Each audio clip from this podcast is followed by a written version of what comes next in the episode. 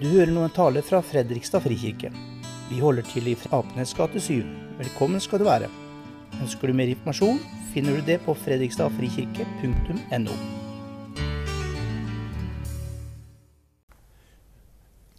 Downsizing eh, er å bevisst gjøre mindre for å skape plass eh, til det som virkelig betyr noe. Outsourcing å hente ressurser og krefter utenfor seg selv istedenfor å forsøke alene. Jeg vet det er sikkert mange her som tenker at de definisjonene er upresise og feil, og vet mye bedre enn meg hva de egentlig skulle ha vært. Men bare lat som om jeg har rett. Eh, for, for downsizing og outsourcing, det var det Johannes gjorde. Døperen Johannes.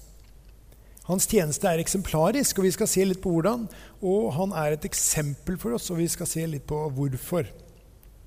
Eh, det behøver ikke reise dere, for det kommer tekst litt sånn hytt og pine. Eh, etter dette dro Jesus og disiplene hans videre til Judea. Der ble han nå en tid sammen med dem og døpte. Johannes døpte også i Ainon ved Salim, for det var mye vann der, og folk kom dit og ble døpt. Dette var før Johannes ble kastet i fengsel. Så etter samtalen med rådsherren Nikodemus eh, om det å bli født på nytt, over høyt Gud elsker verden, så pakker Jesus sammen, forlater Jerusalem, drar ut i ødemarka eh, for å døpe. Eller egentlig altså I kapittel 4 så presiseres det at det er eh, disiplene som døper. Som sikkert var veldig lurt, for da slipper man konflikter som det som senere oppsto i Korint. Eh, Paulus skriver jo til og med til menigheten i Korint jeg takker Gud for at jeg ikke har døpt noen av dere, bortsett fra Kispus og Gaius, eh, slik at ingen kan si at dere ble døpt i mitt navn. Så disiplene døpte. Og da slipper man sånn menneskelige diskusjoner blant folk på Stamkafeen i Jerusalem når man bestiller tyrkisk kaffe og falafel og sitter og diskuterer og skryter. Altså, 'Jeg vet ikke hvor god dåp dere har fått, men jeg' altså jeg eh, ble døpt av eh, Johannes, skjerve døperen. Så kan han si hva er det for noe, liksom? Jeg ble døpt av Peter, altså den disippelen som sto Jesus nærmest. Riktignok så holdt meg litt lenge under vann, men da virker det sikkert bedre. Ja, Men det er jo ingenting. Altså, jeg Jeg ble døpt av Jesus. Jesus Kristus. Og da får du veldig gnisninger og konflikter. Og det er mulig å kjenne seg igjen i den litt sånn usunne delen av behovet for å opphøye seg sjøl. Misunnelse, selvskryt, egoisme, sjalusi, selvgodhet. Det, liksom, det, drar i oss. Trekker oss bort fra Gud og, og nestekjærlighet. Men døperen Johannes han hadde en annen innstilling. Hans mål det var å peke på Jesus og lede andre til ham. Disiplene til Johannes kom nå i diskusjon med en jøde om renselsen. De gikk til Johannes og sa til ham, 'Rabbi, han som var sammen med deg på den andre siden av Jordan, og som du vitnet om, han døper nå, og alle går til han.' Så, så disippelen sier, All, 'Alle går til han!' Og det er som barnslig alle, som jeg gjerne har bedt eh, barna mine om å definere. Eh, Hvorfor kan ikke jeg få bade? Alle andre får lov. Eh, hvorfor kan ikke jeg få tatovering? Alle andre får tatovering. Og så blir alle gjerne litt sånn færre etter å ha spurt ja, hvor mange er alle? Eh, hva heter alle? Og er du liksom sikker på at 'jeg elsker Justin Bieber' er noe du vil ha på armen resten av livet? Johannes han fortsatte å døpe og forkynne til det som kom. Han fortsatte tjenesten sin, men det ble stadig færre. Disiplene hans hadde hatt sin livsopplevelse, men hadde hatt en, altså en posisjon, var en del av en landskjent og levende folkebevegelse. altså Hjerter ble berørt, og folk omvendte seg.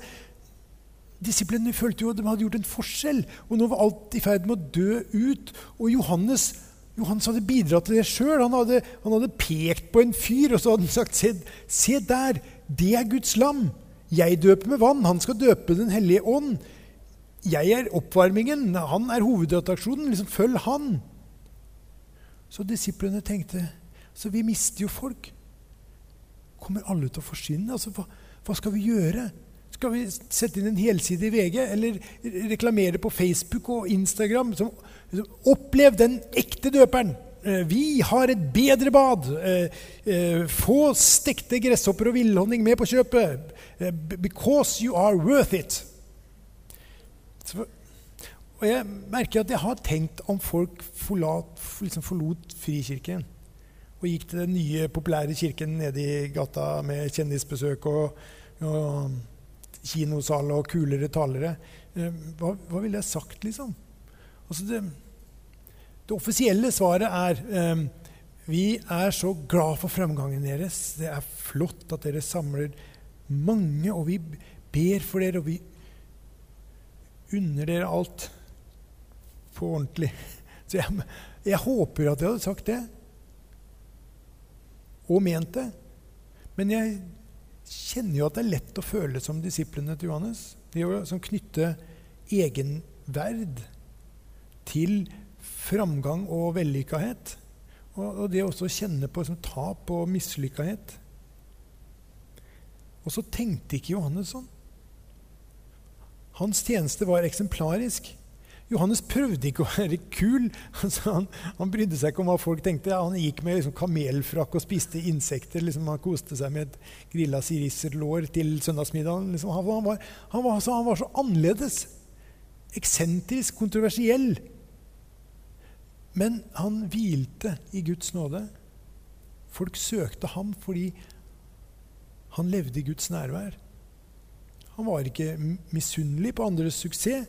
Han hadde tatt et oppgjør med den der usunne delen av å opphøye seg sjøl.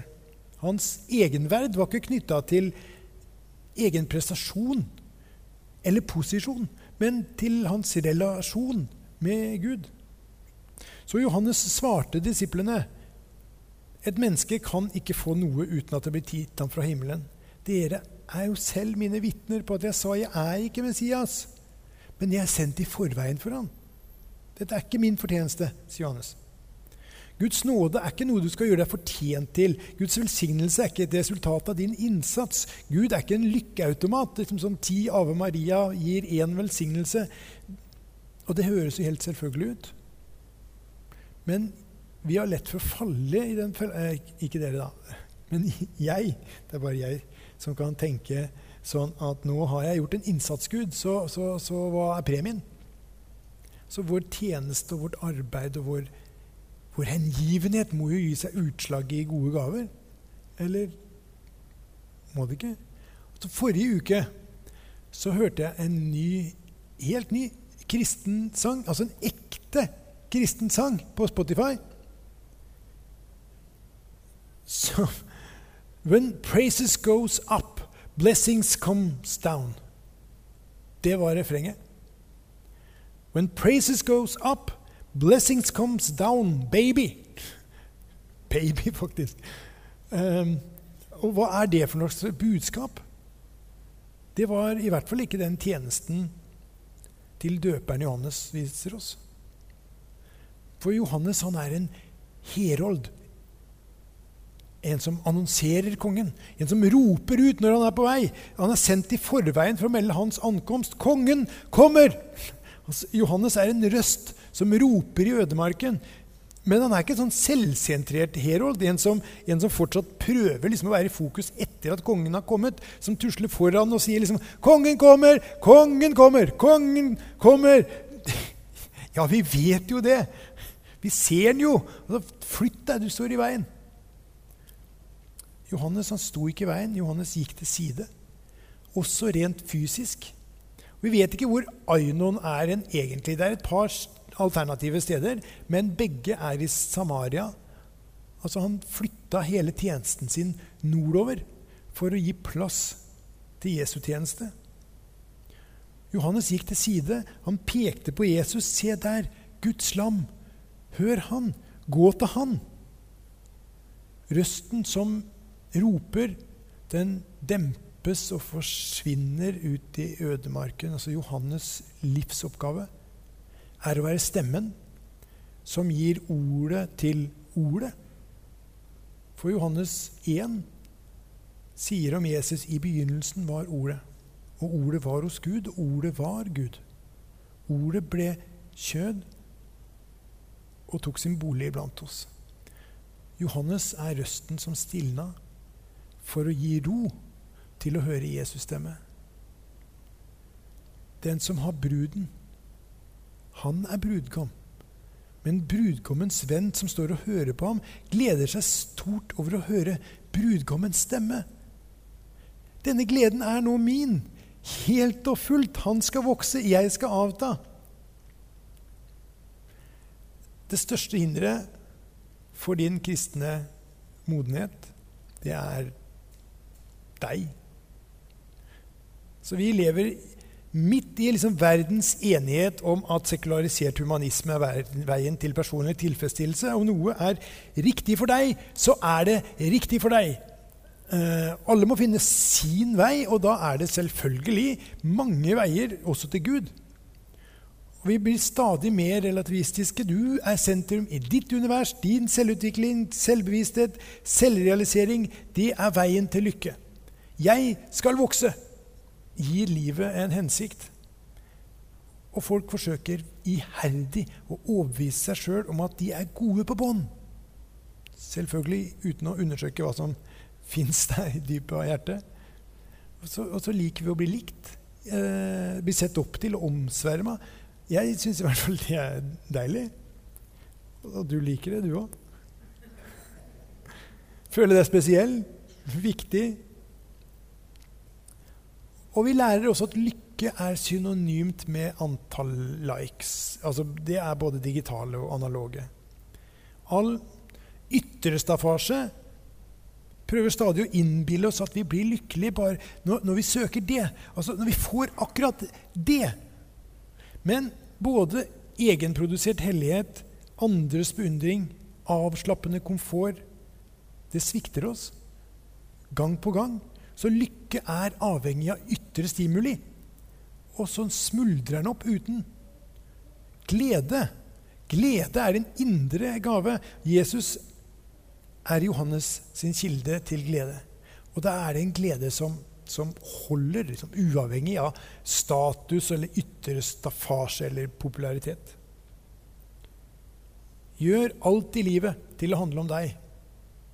Det er oppskriften til et tomt og trøblete liv uten glede. Og vi har nok av eksempler som viser oss at det er sant.